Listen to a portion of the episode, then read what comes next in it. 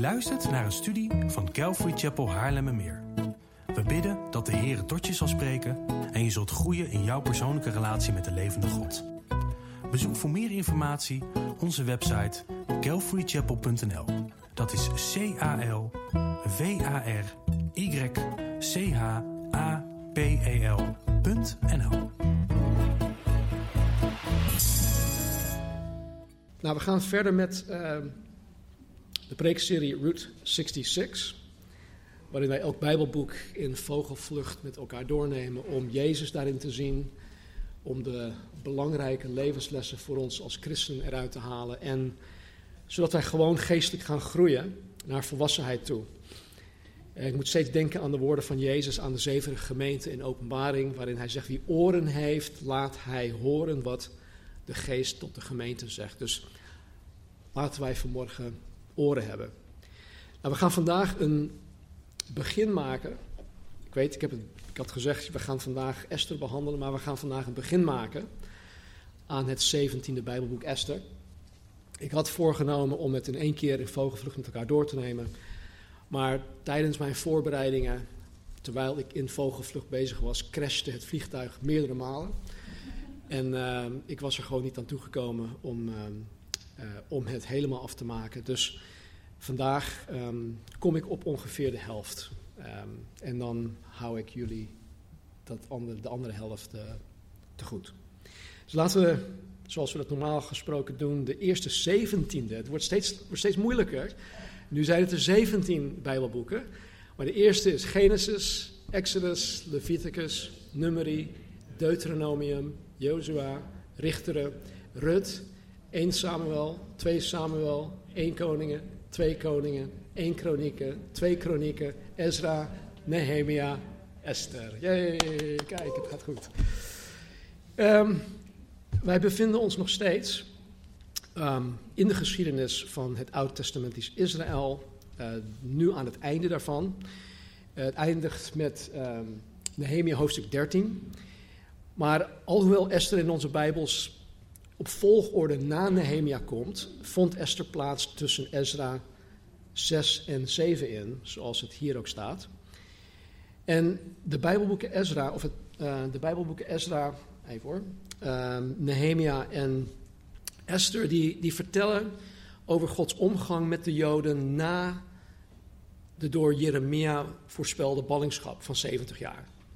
Uh, Jeremia had dat in, in uh, Jeremia 25 en 29 had voorspeld dat Israël, dat Juda in ballingschap zou gaan voor een periode van 70 jaar. En dus Ezra, Nehemia en Esther vertellen over Gods omgang met Juda, met Israël, nou, vooral met, met, met Juda, um, tijdens deze periode. En waar Ezra en Nehemia ons inzicht geven tot het overblijfsel dat vanuit Perzië terugkwam naar Jeruzalem om onder andere de, tempel te herbouwen, de stadsmuur te herbouwen, om uh, het heel aanbiddingssysteem weer te herbouwen, geeft Esther ons inzicht tot het leven van de Joden die in Perzië waren gebleven. En dit is het enige boek eigenlijk wat ons een stukje, een glimpje geeft van hoe het er in Perzië aan toe ging um, tijdens de ballingschap. Nou, in deze vertelling komen wij uh, vijf uh, personages tegen, waarvan Esther de hoofdrolspeler is. Zij is als het ware de ster van het verhaal, wat ook uh, erg passend is, want haar naam Esther in het Perzisch betekent ook ster. Um, haar Hebreeuwse naam is Hadassah. En um, ja, zoals gebruikelijk kreeg zij, zoals al die andere Joden die weggevoerd waren, kreeg zij een, een Persische naam. Net als met Daniel, Shadrach, Meshach en Abednego en al die andere gasten. Nou, de andere vier um, personages zijn Ahasveros, de koning. Ik weet niet of ik dat goed zeg hoor, maar ik zeg het zo. Ahasveros, de koning van Perzië. Uh, ik, ik, weet nooit waar ik de klemtoon moet leggen in dat soort uh, woorden. Uh, de koningin. Haman, de, de jodenhater. En Mordechai, de neef van Esther. En op de achtergrond van dit, dit hele gebeuren uh, zien wij het koninklijk paleis, uh, de hoofdstad Susan en een aantal miljoen Joden die verspreid waren over het hele Perzische Rijk, het domein van deze koning Ahasveros. Helemaal vanaf India tot aan Afrika. Heel groot gebied. Uh, het doel van het boek is om Gods voorzienigheid te tonen. Voorzienigheid, ik, ik, ik heb daar. Soms ben ik, maakt Gods voorzienigheid mij heel erg blij. Maar vannacht heeft Gods voorzienigheid mij niet zo blij gemaakt. Maar dat is een heel ander verhaal. Maar wat ik hiermee wil zeggen is: voorzienigheid is, is bijzonder. Het is, het is een heel bijzonder iets. Want alhoewel Gods voorzienigheid iets bovennatuurlijk is, komt Gods voorzienigheid, voorzienigheid niet tot uiting in de vorm van bovennatuurlijke wonderen in dit boek. En, en in zijn voorzienigheid is dit de manier waarop God bovennatuurlijk werkt, maar op een hele natuurlijke wijze. Is dat te volgen of zeg ik nu hele rare dingen? Ik heb niet, niet veel geslapen. Dus. Um, in het Engels zeggen we supernaturally natural. Dus hij werkt vanuit het bovennatuurlijke, maar op een hele natuurlijke wijze, zodat wij het vaak helemaal niet doorhebben. Stop laughing. Are you laughing at me? No. dus, uh, sorry, in plaats van dat God in het boek Esther op een uh, bovennatuurlijke wijze ingrijpt of handelt, zoals bijvoorbeeld bij uh, Mozes in de, in de Exodus, zullen we zien dat de voorzienigheid van God juist achter de schermen aan het werk is. En dat God hiermee zaken en situaties en gebeurtenissen en mensen overrult. Hij overrult gewoon dingen. En, en God is alwetend. God is alwetend, dus God heeft voorkennis. En God kent de toekomst. Hij ziet de toekomst. Omdat hij het begin van het einde al, al weet. Hij zit altijd in het nu. En voor hem is het nu, voor ons, ja, wij zijn gebonden aan tijd, maar hij niet. Dus hij ziet de toekomst. En omdat alleen de God van de Bijbel dit kan, is hij dan ook de enige die in staat is om zaken en gebeurtenissen en situaties en mensen te sturen voor zijn doeleinden. En hij doet dit, nogmaals, niet door bovennatuurlijke wonderen te verrichten, maar hij doet dit juist door zijn voorzienigheid. Wat veelal achter de schermen gebeurt. Nou, opvallend is dat God, of de naam van God, nergens in het, Bijbel, in het boek Esther genoemd wordt. Ik weet niet of dat jullie is opgevallen als je het gelezen hebt. Maar God en de naam van God, in, in welke vorm dan ook, komt nergens in het boek Esther voor. Er is geen enkele verwijzing naar de God van Israël. En ook wordt gebed niet genoemd. Er is geen sprake van, of expliciet sprake van gebed in het boek Esther. En ik denk dat een ongelovige alles dat in het verhaal gebeurt zou toe kunnen schrijven aan toeval. En stel dat uh, je willekeurige buurman Esther gaat lezen. Dan zou je zeggen, jongen, jongen, jongen, wat een hoop toeval. Maar dat is juist de voorzienigheid van God. Wij die, die God kennen, degenen die Gods werk en Gods goede hand herkennen en erkennen, wij weten beter. Wij weten dat dit niet toe te schrijven is aan toeval, maar aan, juist aan Gods voorzienigheid. Belangrijk vers, Spreuken 3, 5 en 6, belangrijke, belangrijke versen. Vertrouw op de Heer met heel je hart en steun op je eigen inzicht niet. Ken Hem in al je wegen, dan zal Hij je paden recht maken. Kijk, God kennen in al je wegen betekent simpelweg dat je Hem in alles herkent en erkent. En, sorry, dit in tegenstelling tot um, zaken toeschrijven aan toeval, uh, waar ik net over had. Uh, dit in tegenstelling tot gewoon blind zijn voor dingen.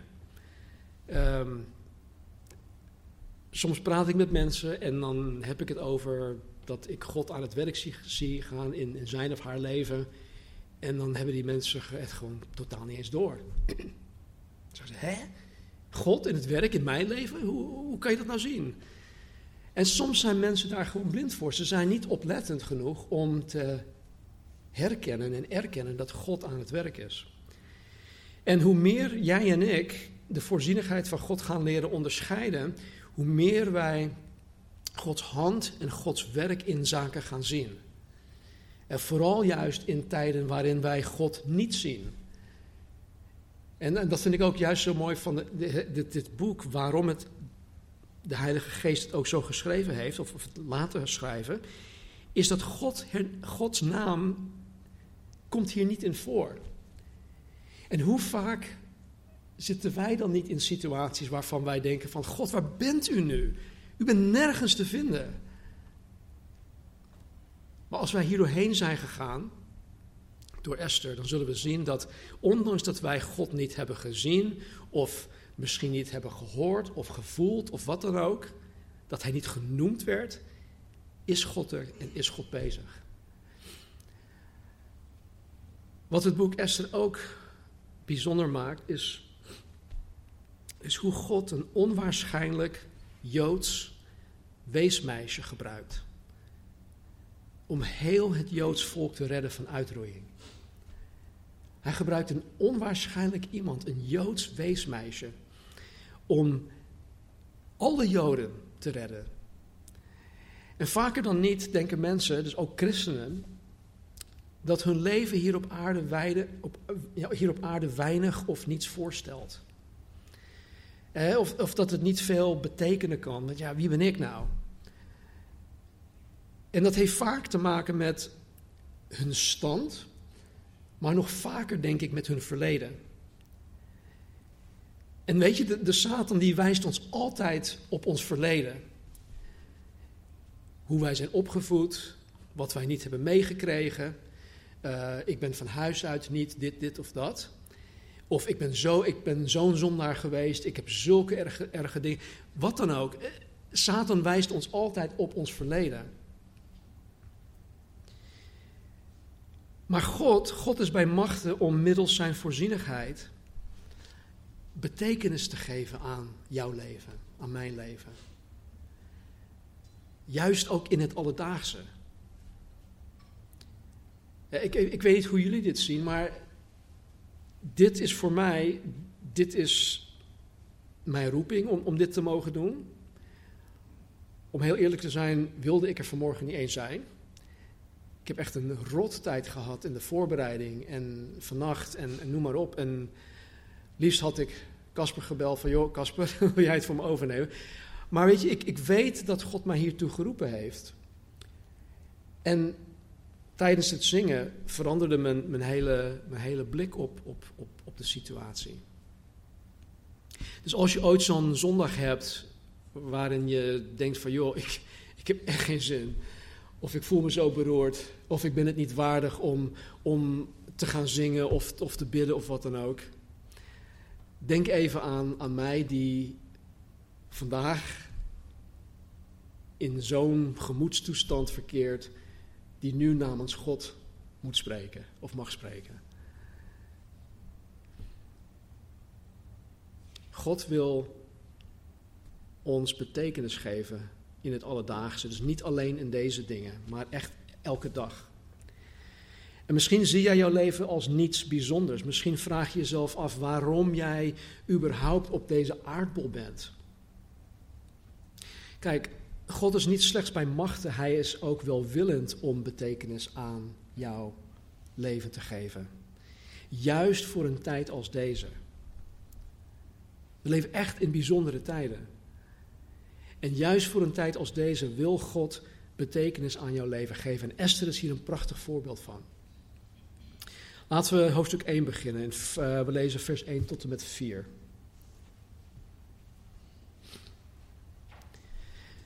Het gebeurde in de dagen van Ahasveros. Hij is de Ahasveros die regeerde van India af tot Ethiopië toe over 127 provincies. In die dagen toen koning Ahasverus op zijn koninklijke, troon zat, die in de burcht Susan was. In het derde jaar van zijn regering richtte hij een maaltijd aan voor al zijn vorsten en dienaren.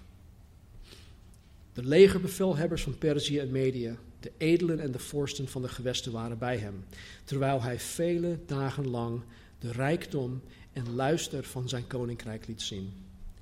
En de, en de, glans, en de glansrijke luister van zijn grootheid. 180 dagen tot zover. Deze koning Ahasveros was in de wereld bekend, of wereld beter gekend onder zijn Griekse naam Xerxes. Dat is ook zo'n moeilijke naam. Het begint met een X, een X, zit er nog een X ertussen, Xerxes. Hoe komen ze erop?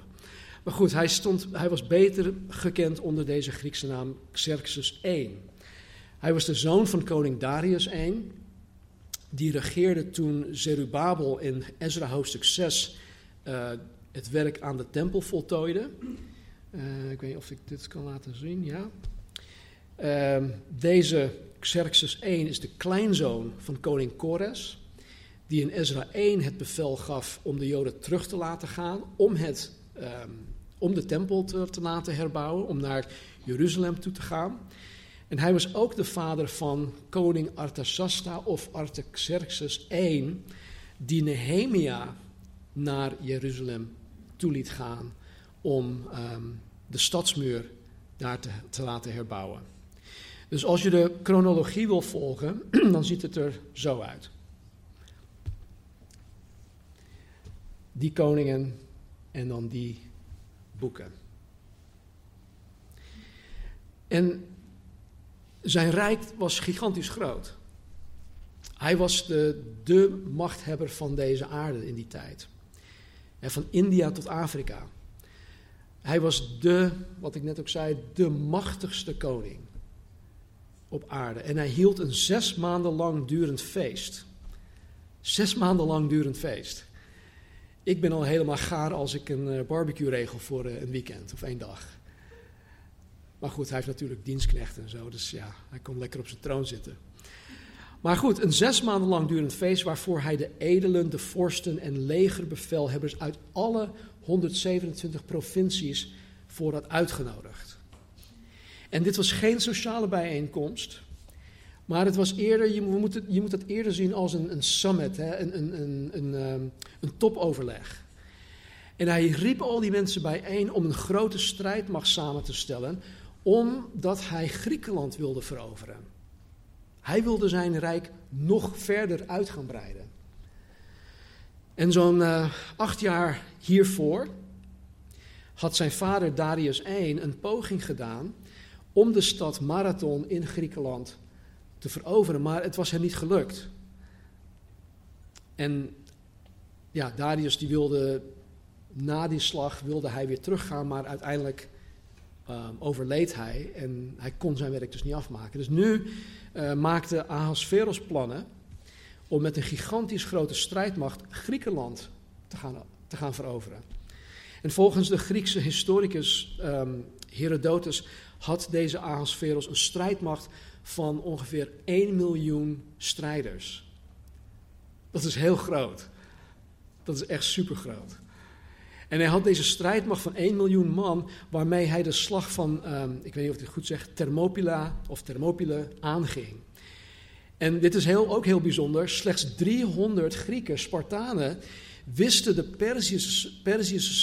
Perzische soldaten tegen te houden, totdat iemand hen had verraden. Eén van hun. Een van hun. Dus 300 Spartanen, dat waren echt de elite troepen van toen, die wisten deze hele grote strijdmacht gewoon tegen te houden. Totdat een van hun eigen mensen, een Griek, hun had verraden en zei van jongens, jullie kunnen ook langs die weg. En ja, toen was het, uh, toen was het over. Ik, ik had ergens gehoord dat, we trouwens een, dat, dat, deze slag verfilmd werd. Dat heet volgens mij 300. Ja, is het? Ja? Eh, nee? Oké. Okay. Nou, oké. Okay. Ik, ik, vroeg me af, moet ik, moet ik daar tijd voor nemen om te kijken? Oké, okay, niet kijken. Dus de film 300, uh, niet kijken. Um, maar goed, Ondanks dat Perzië deze slag gewonnen had, stuitte zij tegen veel weerstand aan in de slag van een andere slag van Salamis, waardoor deze koning Ahasveros zich terug, terugtrok en terugkeerde naar uh, het paleis in Susan. En wat we zo meteen in hoofdstuk 2 zullen gaan lezen. En hij was absoluut niet blij. Dit was geen goed moment voor hem. Dus na het topoverleg dat zes maanden lang duurde, gaf Ahasveros nog een feest. Dus een zes maanden lang feest. Aan het eind van dat feest nog een feest, van, dat duurde zeven dagen. En dat feest was voor alle inwoners van de burcht in Suzan, zowel arm als rijk. En als je dat dan leest, dan, dan zie je gewoon dat dit het toppunt van decadentie is. Het, het, zoveel geld werd uitgegeven. Er is sprake van, van bekers die eenmalig gebruikt werden. Van, en ze waren allemaal gemaakt van goud en er waren geen twee gelijk. Het was allemaal maatwerk. Dus heel bijzonder dat in dit geval geen twee gelijk waren, omdat het allemaal met de hand gemaakt was. Uh, toen ik klein was, toen, uh, ik ben nog steeds klein, uh, toen ik jonger was, toen in mijn ouderlijk huis, ja, mijn ouders die komen uit Indonesië en die waren niet zo op um, luxe. Dus als ik die kast in de keuken opentrok, dan waren er geen twee gelijk glazen of twee, niet twee gelijke koffiebekers, maar dat is dan om een hele andere reden. Um, dus terwijl de koning met al deze mannen aan het feesten was, tijdens deze zeven dagen lang, zeven dagen lang durend feest, um, staat er dit in vers 9. Ook koningin Vasti richtte een maaltijd aan voor de vrouwen in het koninklijk huis dat van koning Ahas Veros was. En het was gebruikelijk dat de koningin een apart feest hield voor de vrouwen. En terwijl ze samen met de vrouwen, terwijl zij dus samen met de vrouwen aan het vieren is, staat er in vers 10 en 11 dat de koning op de zevende dag, toen hij zichzelf al helemaal lam had gedronken, koning Vasti liet roepen, omdat hij met zijn prachtige vrouw wilde gaan pronken. En ik kan me voorstellen dat de koning gewoon te veel op had. En dat er wellicht onsmakelijke mannenpraat aan de gang was. iets van in de trant van, joh, mijn vrouw is mooier dan jouw vrouw. En er staat dus dat hij vast die schoonheid aan de vorsten wilde tonen, omdat zij knap was om te zien. Het was gewoon een mooie vrouw. Maar koningin Vasti weigerde te komen. Zij wilde niet op zo'n denigrerende manier tentoongesteld worden. En terecht. Maar omdat zij weigerde, staat er dat de koning verschrikkelijk kwaad werd en in woede ontstak. Deze Ahasveros had totaal geen zelfbeheersing. Vooral niet als hij dronken was. Dus als hij boos werd, dan gebeurde er helaas hele foute dingen. Um, als dit je interesseert, lees gewoon even de, of lees een keer de geschiedenis van deze koning Ahasverus en hoe hij omging met zijn troepen en met, met nederlagen en dat soort dingen. Nou, vervolgens vroeg deze Ahasverus aan zijn adviseurs en aan zijn legal team wat hij volgens de wet met Vasti zou kunnen doen. Hij riep haar om te komen. Zij moet hem onderdanig zijn. Zij weigert. Hij wordt boos. En dan denkt hij, oh joh, moet, ja, dit kan ik niet zo laten gaan. Wat kan ik hieraan doen? En dan staat er dit.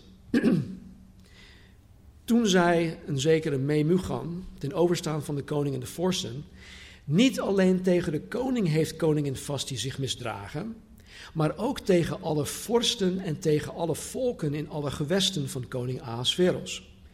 Het antwoord van de koning zal namelijk alle vrouwen bereiken, zodat ze minachtend zullen neerkijken op hun man en zeggen: Koning Ahasveros zei dat, dat men koningin Vasti bij hem moest brengen, maar ze kwam niet. Tot zover. Met andere woorden, als alle vrouwen in het rijk te horen krijgen dat de koningin niet naar de koning luisterde, dan gaan zij, dus die andere vrouwen, zeer zeker ook in opstand komen tegen hun eigen mannen. En ja, dat wilden deze mannen kosten wat kost voorkomen. Uh, natuurlijk uit eigen belang. Dus de koning werd geadviseerd om een koninklijk besluit um, van hem uit te laten gaan. Dat schriftelijk ook uh, vastgelegd werd in de wetten van Perzië en Medië, zodat het niet herroepbaar was. En dat koningin Vasti dus afgezet werd en dat zij uh, vervangen zal worden als koningin. En dus zond deze koning, of koning Ahasveros, brieven aan alle provincies. En dat was nu een wet.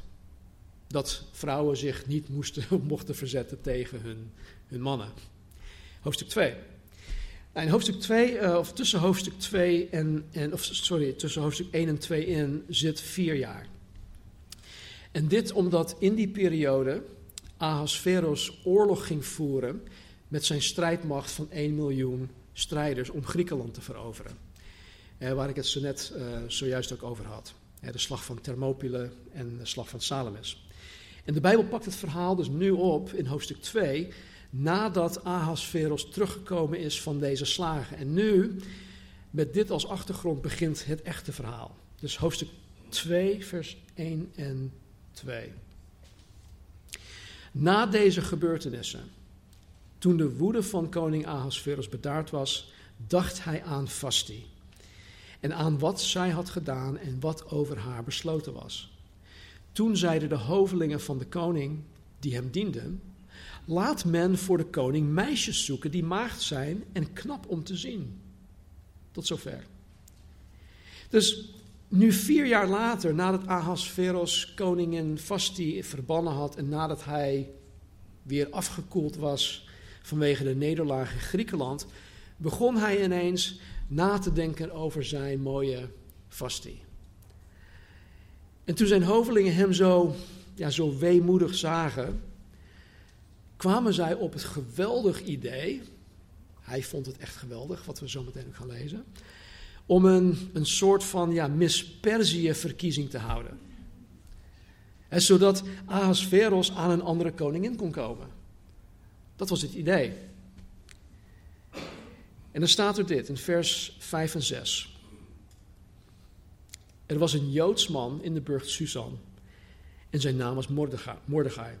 De zoon van Jair, de zoon van Simei, Simei, de zoon van Kis, een man uit Benjamin die weggevoerd was uit Jeruzalem met de ballingen die weggevoerd waren met Jegonia, de koning van Juda, die Nebukadnezar, de koning van Babel, in ballingschap had gevoerd. Dus hier komt het, um, uh, of hier komt het volgende, de derde personage op het toneel, Mordechai.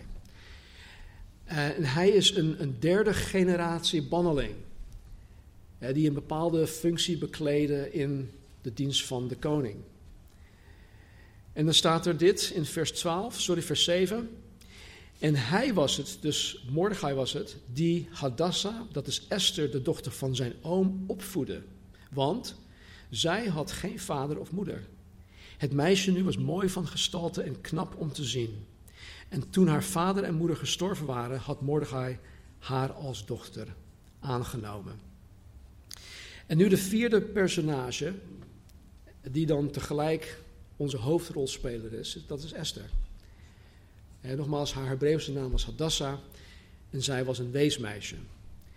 En Mordecai, Mordecai, die haar veel oudere neef was, die had haar als eigen dochter aangenomen en hij was degene die haar had opgevoed. En er staat dat, dat Esther mooi van gestalte was. Mooi van gestalte en knap om te zien. Met andere woorden, zij was van top tot teen een prachtig schepsel. Netjes gezegd. Echt, ze was echt een, een lust voor het oog, laat ik het even zo, noemen, zo zeggen. En toen men op zoek ging naar meisjes voor de koning, werd ook deze Esther meegenomen naar het huis van de koning. En zij kwam onder de hoede van een zekere uh, eunuch Hegai, de bewaarder van de vrouwen. En zij kreeg um, gunst bij deze Hegai en hij behandelde haar heel goed. Hij gaf haar een voorkeursbehandeling. En omdat Mordechai Esther lief had, en omdat hij, ja, hij voelde zich verantwoordelijk voor haar, en omdat hij dan de vinger op de pols wilde houden, voor, voor wat betreft haar welzijn, kwam hij elke dag naar het voorhof van het vrouwenverblijf langs om te gaan polsen, om te gaan vragen hoe het met Esther ging. En nadat al die meisjes gekozen werden, het is natuurlijk, weet niet hoeveel duizenden meisjes gekozen werden en uiteindelijk uh, teruggebracht naar een selectie. Esther was één van die selectie. En, en, Esther en dan deze andere deelnemers, die kregen twaalf maanden lang, twaalf maanden lang schoonheidsbehandelingen. Twaalf maanden lang schoonheidsbehandelingen. Ik kan me daar niks bij voorstellen. Maar Goed, ik heb wel wat ideeën, want ja, Marnie die, uh, die geeft me ook wel wat ideeën. Wat zij met haar gezicht doet. En wat, nou goed. Um, dus twaalf maanden lang. Voor uh, dat zij dus uh, aan, de, uh, aan de koning konden verschijnen. En op het moment dat zo'n meisje dus klaar was met haar schoonheidsbehandeling, werd zij s'avonds meegenomen. Ze werd s'avonds meegenomen naar het huis van de koning. En de volgende ochtend keerde zij terug naar het vrouwenverblijf. Dus ik denk dat jullie weet, wel weten wat daar die avond, die nacht gebeurde. Deze, deze meisjes waren dus tot op dat moment maagden. En allen die niet door de koning gekozen werden om koningin te worden, bleven dus na die nacht in het, vrouwen, in het vrouwenverblijf als bijvrouw. En omdat de koning wellicht honderden bijvrouwen had, was de kans er dat, dat zo'n meisje de koning slechts deze ene keer te zien kreeg, dus die ene nacht. En want als zij hem niet zinde, dan hoefde hij haar ook nooit meer te zien. Hij had, hij had gewoon genoeg keus. Dus dat was voor hem geen issue. Voor haar wel, maar voor hem niet. Dus, dus stel je voor, wat voor een, een eenzaam bestaan dat had moeten zijn geweest. Zo'n meisje, die wordt uit haar leven gerukt. Die gaat als maagd naar de koning toe. Zij wordt door de koning vervolgens ontmaagd. En daarna komt ze dan nergens meer in aanmerking voor. Niemand kan haar meer trouwen. En dan zit zij de rest van haar leven vast in de harem van de koning. Die ze waarschijnlijk nooit meer zal gaan zien. En hier wordt Esther, het Joods weesmeisje, niet uit vrije wil in die situatie geplaatst. Door Gods voorzienigheid. Kijk, zij loopt ook de kans om zo'n eenzaam leven te gaan leiden. Het kon heel goed zijn geweest dat, dat, dat zij ook de koning niet zinde. En dat zij gewoon haar hele leven vanaf dat, dat punt kwijt was. Maar Esther kreeg gunst. Ze kreeg gunst bij Hegai, de bewaarder van de vrouwen, die haar voortrok en die haar ook coachte. In vers 15 staat dat Esther genade verwierf in de ogen van ieder die haar zag. En in vers 17 staat dat de koning Esther meer lief had dan alle andere vrouwen. En dat zij bij hem meer genade en gunst verwierf dan alle andere meisjes, waardoor de koning haar gekroond had tot zijn koningin. Esther werd ineens koningin. Een Joods weesmeisje. En hierna zat Mordechai in de poort van de koning. En op een gegeven moment hoorde hij twee van de hovelingen van de koning um, praten. Die waren woedend op de koning en zij wilden de koning ombrengen. Zij wilden hem doden, vermoorden. En Mordechai vertelde dit dus aan zijn, zijn nicht Esther, die het vervolgens aan de koning vertelde. En nadat dit verhaal dus door degene die dat allemaal hadden onderzocht, nadat dit werd bevestigd, werden beide hovelingen aan een galg gehangen. Ja, zo ging dat. En dit soort complotten die kwamen in die tijd heel vaak voor. Deze Ahasverus werd vervolgens, of ja, uh, x aantal jaren later, um, vermoord door zijn eigen bewakers. Dus dit, dit was niet iets vreemd.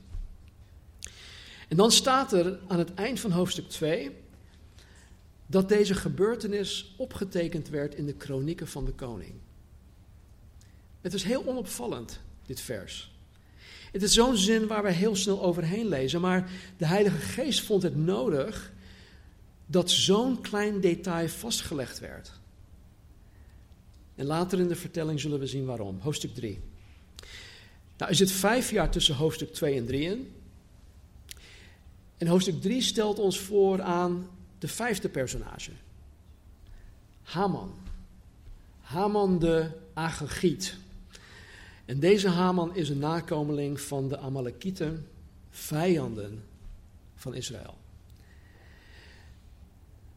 Weet jullie nog toen de eerste koning van Israël, koning Saul, de opdracht kreeg uh, om alle Amalekieten uit te roeien?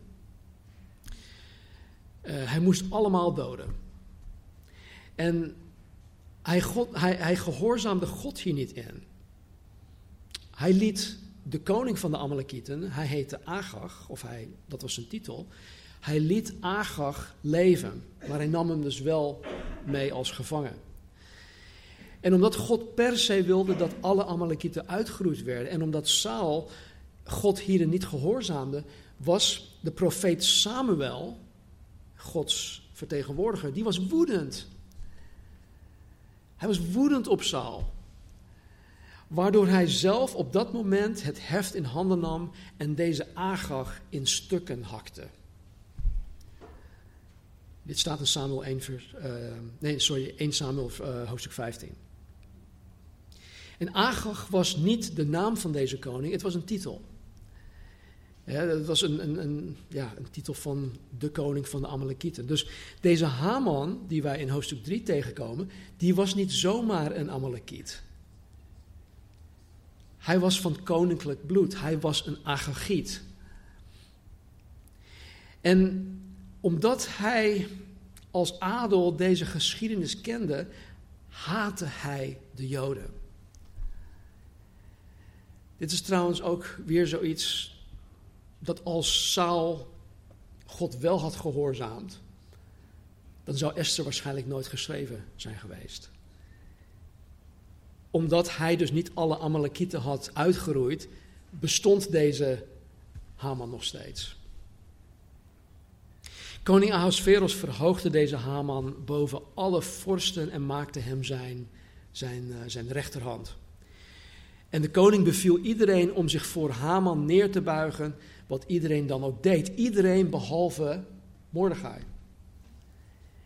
En toen Mordechai door zijn collega's gevraagd werd waarom hij zich niet boog of neerboog voor Haman, gaf hij als reden aan dat hij een Jood was. Ik ben Jood, dus ik buig niet voor deze Haman neer. En goed, daar valt nog veel, veel meer over te vertellen, maar daar hebben we nu geen tijd voor. En toen dus ja, deze Haman merkte dat deze Mordechai niet voor hem neerboog, werd Haman woest. Zo woest zelfs dat hij niet alleen Mordechai hiervoor wilde doden, maar gelijk ook alle Joden die in heel het koninkrijk van Ahasveros waren. Dus ook die Joden die reeds teruggekeerd waren naar Jeruzalem toe, eh, onder leiding van Zerubabel en onder leiding van Ezra. En naar schatting waren er in het Rijk in totaal enkele miljoenen Joden. Best wel veel. En dan staat er in vers 7 tot en met 10 dit. In de eerste maand, dat is de maand Nisan, in het twaalfde jaar van koning Ahasveros, wierp men het pur. Dat is het lot in de tegenwoordigheid van Haman. Van dag tot dag en van maand tot maand tot de twaalfde maand, dat is de maand Adar. Lastig om, om dit, dit te lezen te begrijpen, maar daar kom ik zo meteen op terug. En toen zei Haman tegen koning Ahasveros: Eén volk is er dat verstrooid en verspreid is onder de volken in alle gewesten van uw koninkrijk. Hun wetten zijn anders dan die van alle volken en er is niemand die de wetten van de koning uitvoert. Het past de koning niet hen met rust te laten. Als het de koning goed dunkt, laat er dan geschreven worden dat men hen ombrengt. Dan zal ik 10.000 talent zilver afwegen op de handen van hen die het werk doen, om die naar de schatkist van de koning te brengen. Toen nam de koning zijn zegelring van zijn hand af en gaf die aan Haman, de zoon van Hamadata, de Agagiet, de tegenstander van de Joden. Tot zover. Dus Haman die, die beraamde een, een complot om alle Joden te doden. Komt dat bekend voor, dat idee? dus hij, hij, hij, beraamde ook een, complot om alle Joden te doden. En middels het werpen van het, het peur, ik weet niet of dat goed zegt, peur, poer, dat is een soort dobbelsteen, wilde hij te weten komen welke maand en welke dag het meest geschikt was om dit uit te voeren. Dus hij wilde één dag kiezen om alle Joden uit te roeien. En daarom staat er elke maand tot aan de twaalfde maand toe en elke dag. Dus daar was hij mee bezig. En hij kwam uiteindelijk op de dertiende dag van de twaalfde maand uit. Dit gebeurde in de eerste maand. Dus hij had nog elf maanden de tijd om dit te gaan regelen. En Haman legde de zaak dus aan Ahasveros voor en Ahasveros stemde ermee in. Vervolgens werden brieven geschreven met het bevel uh, alle Joden weg te vagen, te doden en om te brengen van jong tot oud met de kleine kinderen en de vrouwen op één dag. Deze brieven werden doorboden door het gehele rijk verspreid en het woord van Haman werd wet. Dus je moet het niet zo zien dat de strijdmacht alle Joden ging, ging doden. Nee, als mijn buurman een Jood was, moest ik mijn buurman doodmaken. Zo ging dat. Dus alle volkeren in, alle, in de 127 provincies van India tot Afrika werden opgedragen om op de dertiende dag van de twaalfde maand alle Joden in hun eigen straat, in hun eigen buurt uit te roeien. En dit was nu een wet. Onherroepelijk. Hoofdstuk 4. En toen Mordechai dit te weten kwam, scheurde hij zijn kleding en hij ging in zak en as zitten, wat een teken was van rouw. Hij rouwde hierover. En Esther vernam dit. Esther vernam dat hij zijn kleren had gescheurd, dat hij in zak en as zat, dat hij aan het weeklagen was, dat hij aan het rouwen was. Maar omdat zij niets afwist van deze wet, hè, om de Joden uit te roeien, zond zij een zekere uh, Hatag naar Mordechai toe, dat was een bode, om uit te zoeken wat er met Mordechai eigenlijk aan de hand was. Waarom doe jij zo raar, Mordechai? En Mordechai vertelde aan Hatag wat er gaande was en hij zond een afschrift van de tekst van de wet met deze Hatag mee om het aan Esther te geven en om haar te vertellen wat er met Mordechai aan de hand was. En dan ook uh, tegelijkertijd droeg Mordechai Esther op om naar de koning toe te gaan om hem om genade te smeken en om hem te pleiten voor haar volk. Maar kijk wat Esther aan Mordechai bericht. Um, deze. Haar antwoord hierop. Alle dienaren van de koning en de bevolking van de gewesten van de koning weten dat voor ieder man of vrouw die naar de koning toe gaat in het binnenste voorhof, die niet geroepen is, zijn, zijn enige vonnis, of zijn enige vonnis is dat men hem doodt. Tenzij de koning hem de gouden scepter toereikt. Dan zal hij leven blijven. En wat mij betreft, ik ben nu al dertig dagen niet geroepen om naar de koning te komen. Dus dat was haar antwoord. Morgen, jij vraagt mij nu om naar de koning toe te gaan. Je weet wat met mensen gebeurt die ongevraagd naar de koning toe komen. Bovendien ben ik al dertig dagen lang niet door de koning geroepen. Hij heeft iets met mij, blijkbaar. Dus Esther had geen toegang tot de koning. Alleen als zij expliciet door de koning geroepen werd, mocht zij audiëntie bij de koning krijgen. En als zij dus ongevraagd bij hem aankwam waaien, dan zou het haar haar leven kunnen kosten. Zo ging dat daar. En dit werd dus aan Mordechai verteld, waarop hij ook antwoordde. Vers 13 en 14. En de Mordechai zegt dit: Beeld je niet in dat jij als enige van alle Joden zult ontkomen, omdat je in het huis van de koning bent. Want als je je in deze tijd in diep stilzwijgen hult, dan zal er vanuit een andere plaats verlichting en verlossing voor de Joden komen. Maar jij en het huis van je vader zullen omkomen. En wie, en wie weet of jij niet juist voor een tijd als deze tot deze koninklijke waardigheid gekomen bent. Dus Mordechai, Mordechai weet dat ook Esther onder deze wet omgebracht zou worden. En hij weet ook dat als Esther niets doet, dan zal God op een of andere manier de Joden verlossen, al is het slechts een klein overblijfsel.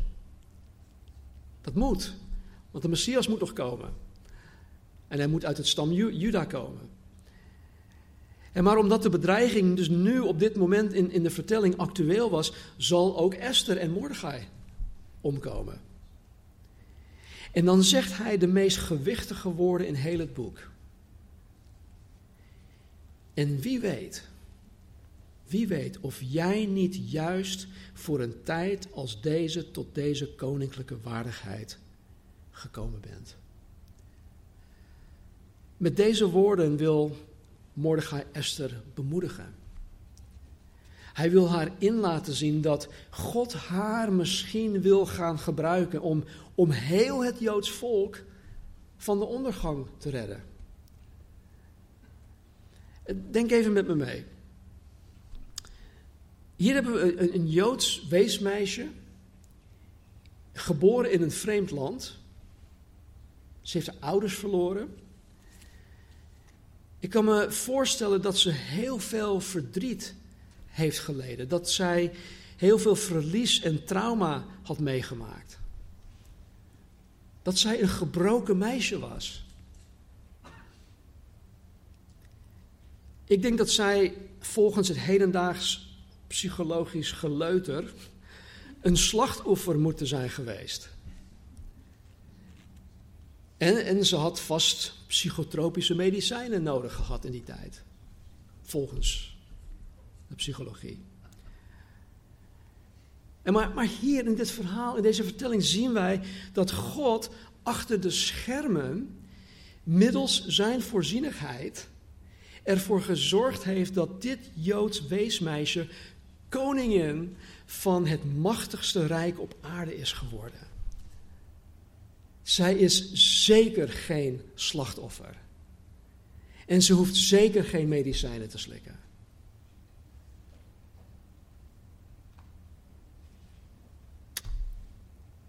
Als er iemand is die medicijnen slikt, ik heb daar niks op tegen.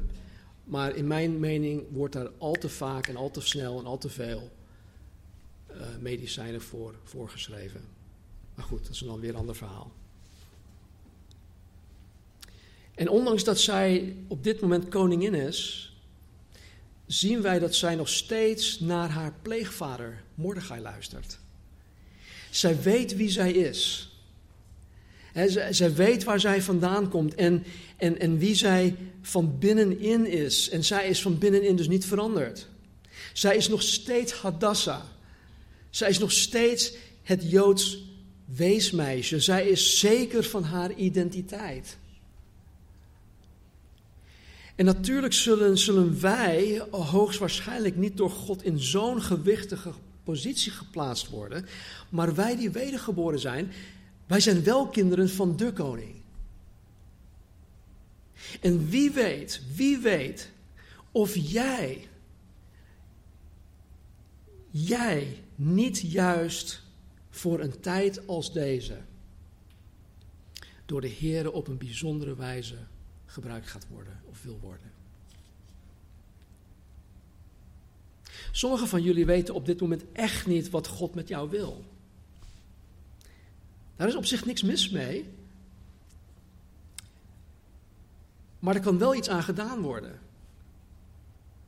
Sommigen van jullie weten ook niet wat het nut van je leven is. Of wat, wat voor zin het leven voor jou überhaupt nog heeft. En tegen jullie wil ik juist zeggen dat het heel goed mogelijk is dat God nu achter de schermen voor jou bezig is om jouw leven betekenis te geven. In Efeze 2, vers 10 schrijft Paulus: Wij, wij in Christus, wij wedergeboren christenen, wij zijn het werk van God. In een andere vertaling staat: Wij zijn het maaksel van God. Hij heeft ons geschapen in Christus Jezus om het goede werk te doen dat Hij, God, heeft voorbereid. Dit is absoluut geen loze kreet. Maar dit, wat Paulus schrijft, is een belofte van de God van de Bijbel die zich aan al zijn beloften houdt. God gaf Esther betekenis in haar leven. Niet door haar koningin te maken, maar wat zij als koningin kon doen, namelijk heel het Joods volk redden van de ondergang. En wie weet hoe God betekenis aan, aan jouw leven wil geven. Zoals Esther had um, had haar door, door God gegeven Joodse identiteit, ehm, zij had die niet verlogend. En zoals Esther die niet verlogend had, wil ik je aanmoedigen om te blijven groeien. Te blijven groeien in jouw identiteit in Jezus Christus. Verlogen dat niet. En als je niet weet wie jij in Christus bent, kom alsjeblieft naar me toe. Ga naar Casper toe. Hij heeft dit in, in, in Feze behandeld. Schaam je niet. Maar investeer je tijd en je energie en je, alles wat in jou is om te blijven groeien in jouw identiteit in Christus. Verlogen Hem niet, verlogen dat niet. Blijf gewoon trouw in het volharden in de leer van de apostelen. Blijf trouw in het volharden in de fellowship, in de gebeden en in het breken van het brood. Wandel in gehoorzaamheid aan de Heer. En, en waar Hij zijn wil reeds aan jou bekend heeft gemaakt, door middel van de Bijbel, doe dan Zijn wil. Doe Zijn wil. Wees een dader van het woord van God. En terwijl je zo bezig bent, terwijl je zo bezig bent, weet ik zeker, ik weet het zeker, dat God betekenis aan jouw leven zal geven. God kan het. God kan het. God wil het.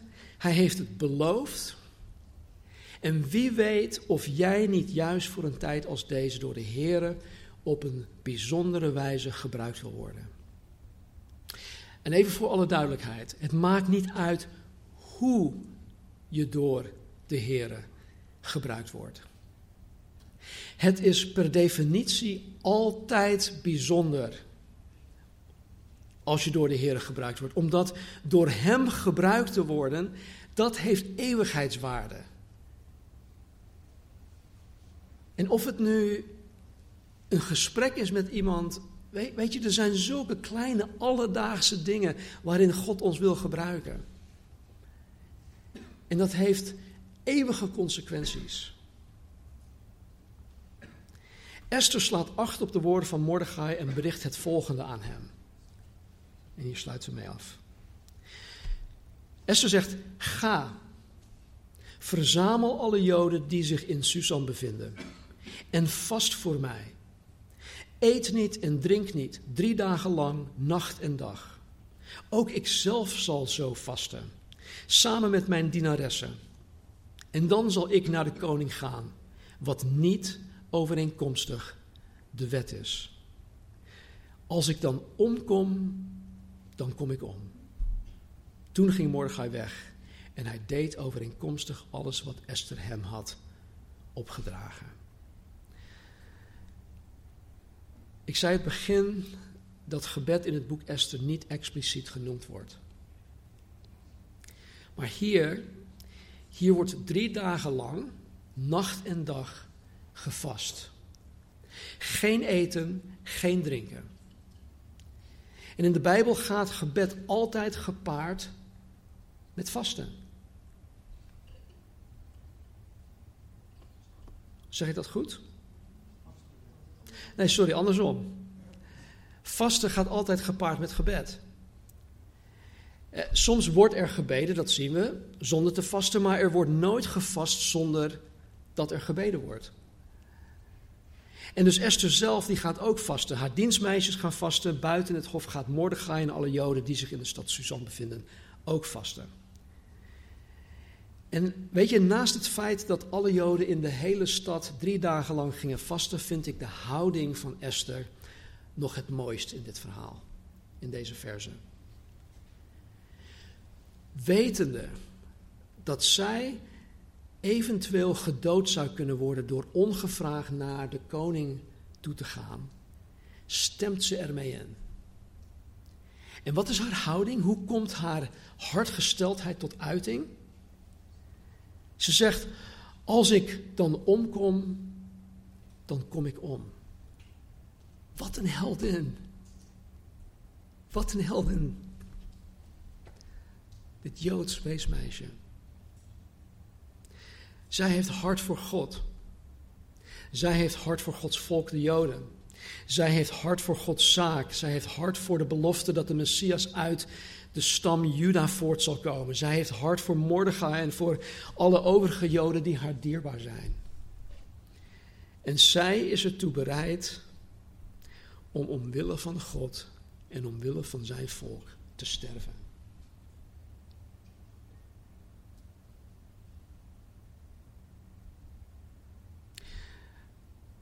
Als ik hierbij stilsta en als ik naga over, ik, over hoe ik mezelf vannacht heb gedragen, dan schaam ik me. Dan schaam ik me als ik haar houding hierin zo zie. En, en, en met die houding gaat zij dus vasten. En met die houding gaat zij een geloofstap zetten. Ik geloof dat toen Jezus mensen tot zich riep om zijn discipelen te worden, oftewel om christen te worden, hij iets dergelijks voor ogen had.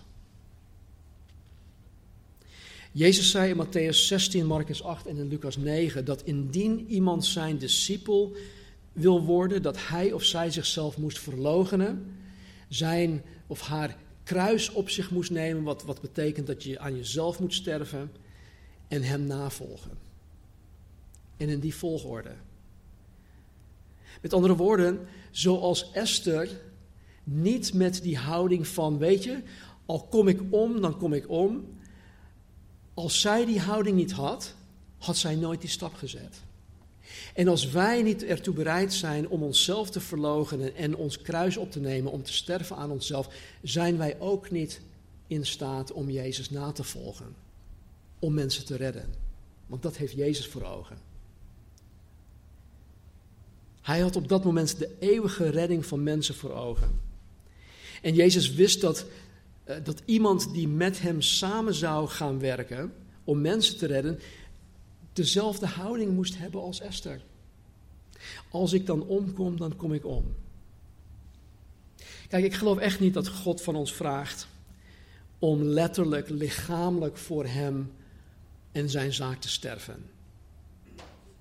Op dit moment zijn wij meer God meer waard dan als wij in de grond liggen.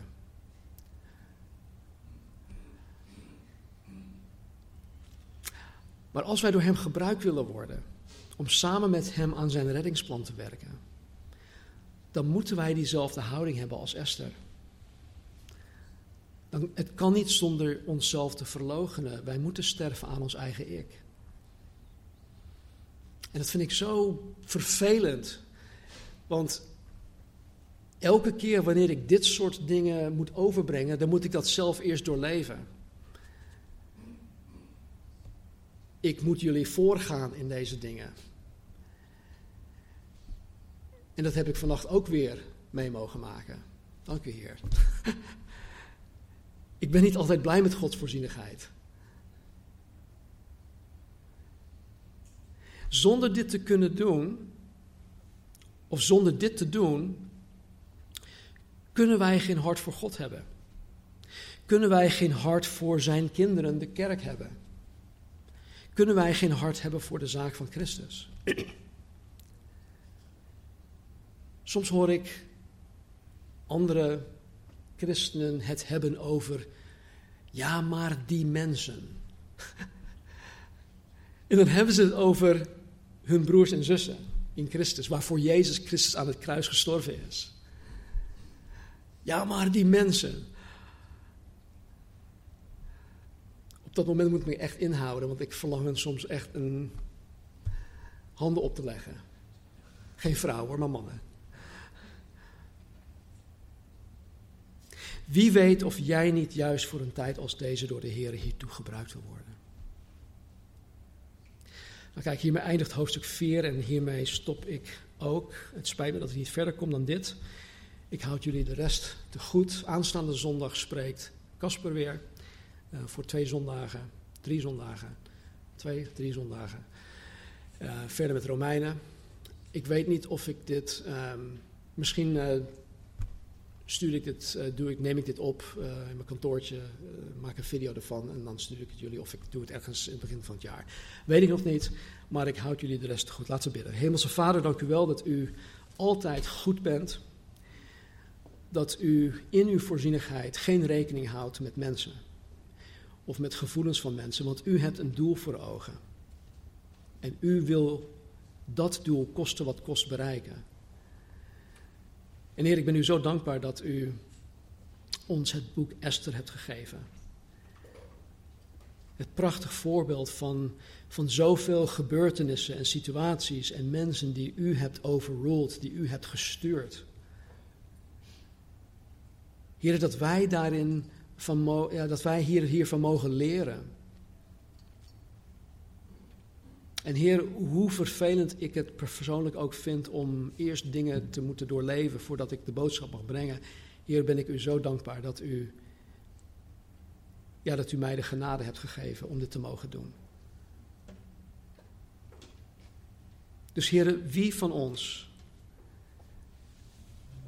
juist voor een tijd als deze door u gebruikt wil worden, maak het ons duidelijk, Heer.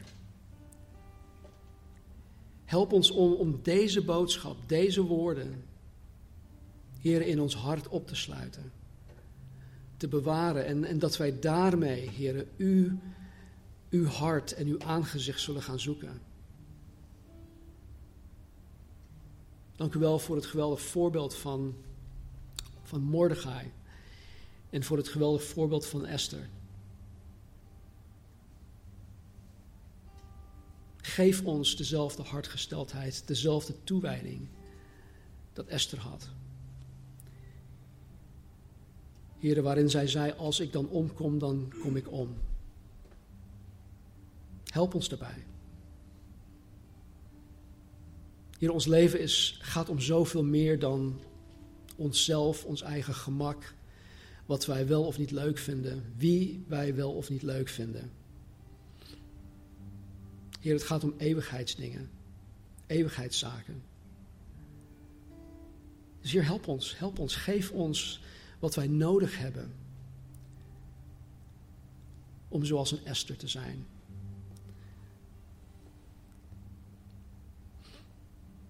Want Heer, wie weet wie niet juist voor een tijd als deze door u gebruikt wil worden. Doordring ons van dat feit Doordring ons van die waarheid. En help ons daarbij. Dank u wel, Heer. We loven en prijzen uw naam. En wij verwachten het van u. In Jezus' naam bidden wij. Amen.